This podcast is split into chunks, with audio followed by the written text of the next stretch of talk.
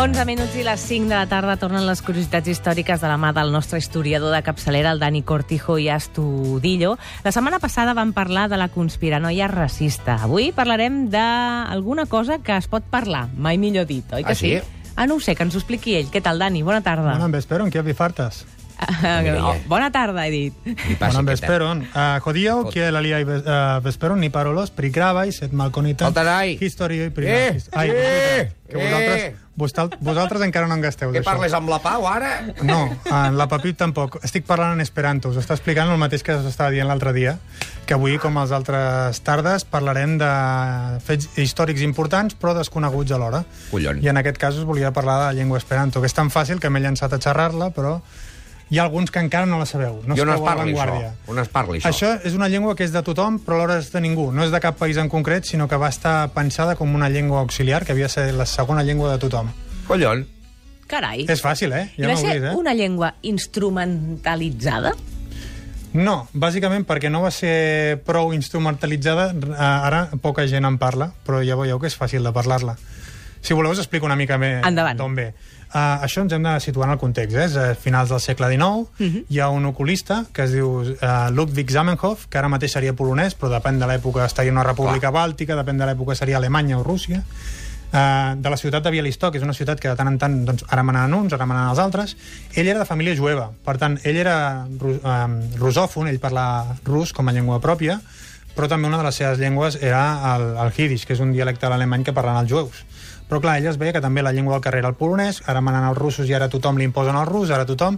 I era una persona que no veia els idiomes com un obstacle, sinó com una, una riquesa cultural, i va dir, mira, hem de fer una cosa, Aquí, sempre que mana algú, imposa la seva llengua als altres. Fem que cada comunitat nacional, diguéssim, eh, tingui la seva pròpia llengua i fem una segona llengua que serveixi per tothom i que sigui una llengua fàcil d'aprendre i que no sigui de ningú. Per tant, tothom hi altraria en pla d'igualtat. El senyor, que era un senyor molt emprenedor, que està tan de moda aquesta paraula, es va inventar aquesta llengua i això va tenir un èxit aclaparador. Fins Ah, al sí? punt que a principis del segle XX, qui no parlava aquesta llengua, se li deia que s'havia d'aprendre ja aquesta llengua. Sabeu Esperanto? 932017474. Si truqueu i ens dieu alguna cosa en Esperanto, participareu al sorteig d'una cistella Cap Bravo. Ja està dit. 932017474. Ianeran sos plubureone lauvernio, Icineran sos pluron pigis violon. mila ja le Sos pluron pigis violon. Dani, la veritat és que l'Esperanto, per mi, és molt desconegut. Suposo que per més gent no, o no ho sé, jo no sóc un exemple de res, de ningú, però seria la llengua de tothom però la llengua de ningú alhora? És un bon exemple, això? Sí, aquest és una, un dels lemes que té l'Esperanto és aquest, que ningú pot dir que és la seva llengua, tu pots parlar anglès, francès, italià, però sempre hi haurà algú que serà natiu. Sí. sí que hi ha gent que parla esperanto natiu, eh? que els seus pares l'han educat en esperanto, però són poca gent, però la majoria de gent és una segona llengua, o tercera, o quarta. En, cas dels que hem viscut aquí ja tenim el català i castellà per sèrie, per tant seria la nostra tercera. Vostè parla Esperanto, també? Carmina, Carmina, Carmina, Burana, Carmina, Carmina. Què tinc que parlar jo, Esperanto? Si no sabia ni que existia. Jo això, que collons m'expliques ara d'Esperanto?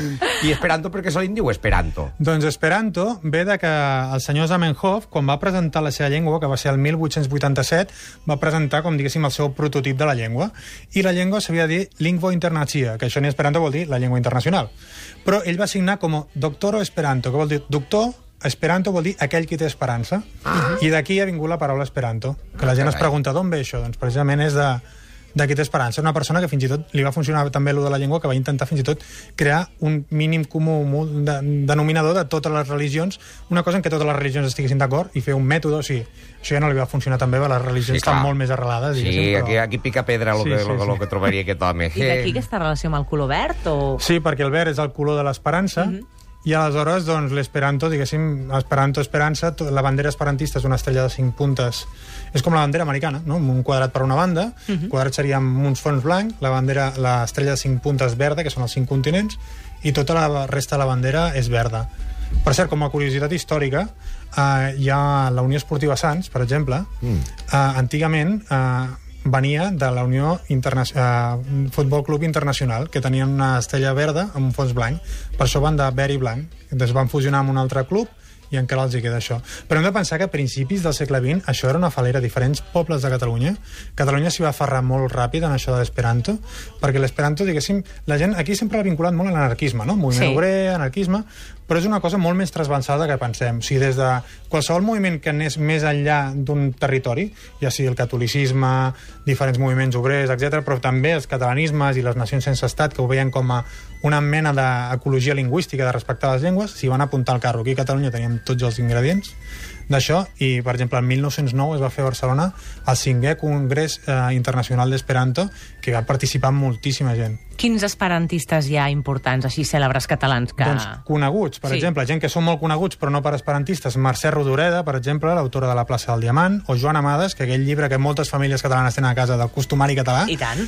Aquest senyor, Joan Amades, va estar durant un temps de la seva vida només preocupat per l'esperanto i difonent l'esperanto, polítics com Andreu Nin o Carles Riba, o sigui, gent bastant coneguda. Collon, collon, déu-n'hi-do. Montse, molt bona tarda. La tenim al 932017474 per intentar guanyar aquesta cistella Cap Bravo. Què tal, Montse? Va bé, va bé.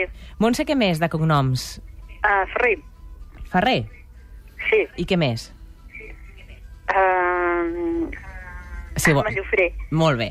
Escolta'm, um, digue'm alguna cosa més esperant. Pensa que el Dani controla, eh? Bueno, sé que jo me'n recordo de petita Esperanto Faco, deien. Que Esperanto, volia dir parlo Esperanto. ben, ben paraules esperanto, això seria, eh? Més paraules. Molt bé, t'apuntem. Va, vinga, ja està. Vinga, gràcies. Gràcies, Montse. Una abraçada. There's a secret that never dies, like a sort of hidden meanings that will never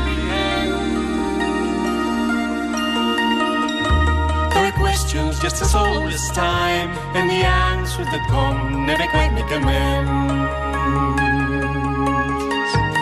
So, when you look at time. Doncs avui aquí descobrim coses sobre l'esperanto, que la veritat a vegades ens queda llunyà, però mira, el Dani parla esperanto perfectament.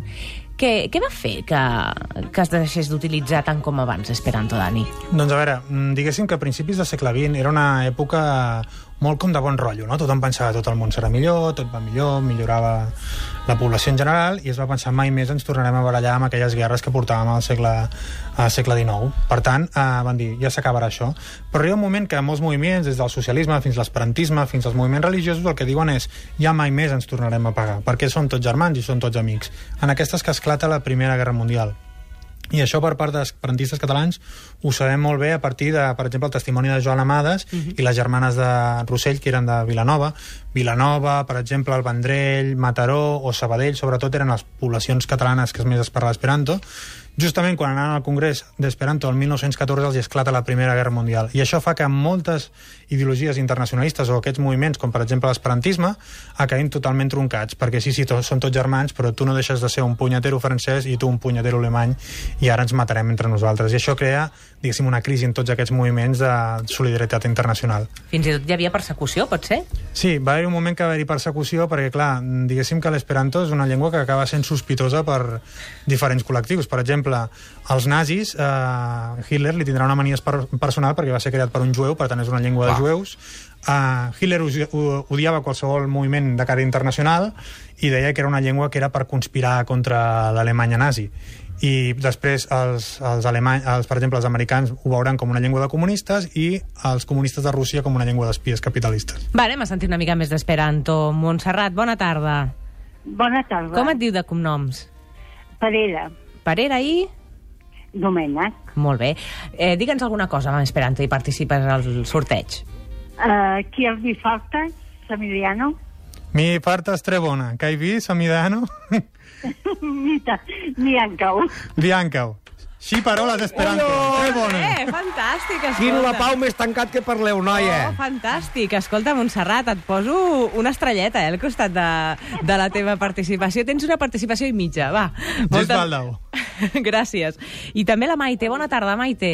Hola, què tal? Maite, què més? Uh, Maite Ulldemolins, I què més?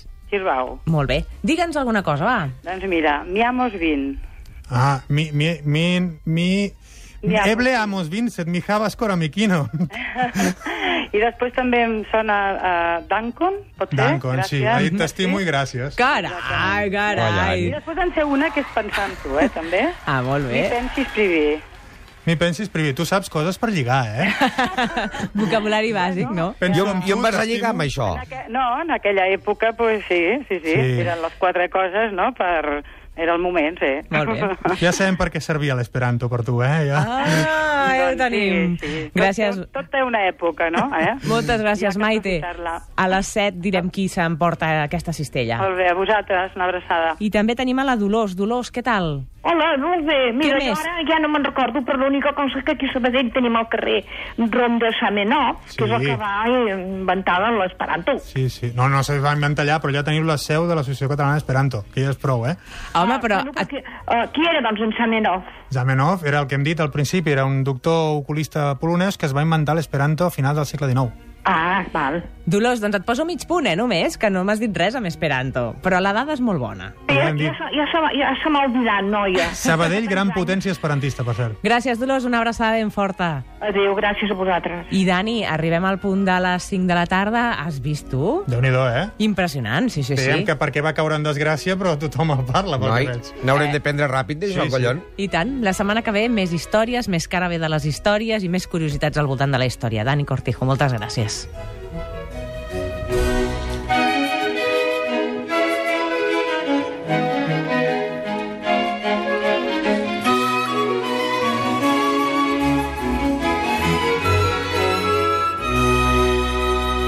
Dies a la setmana, perquè ens agrada estar amb tu.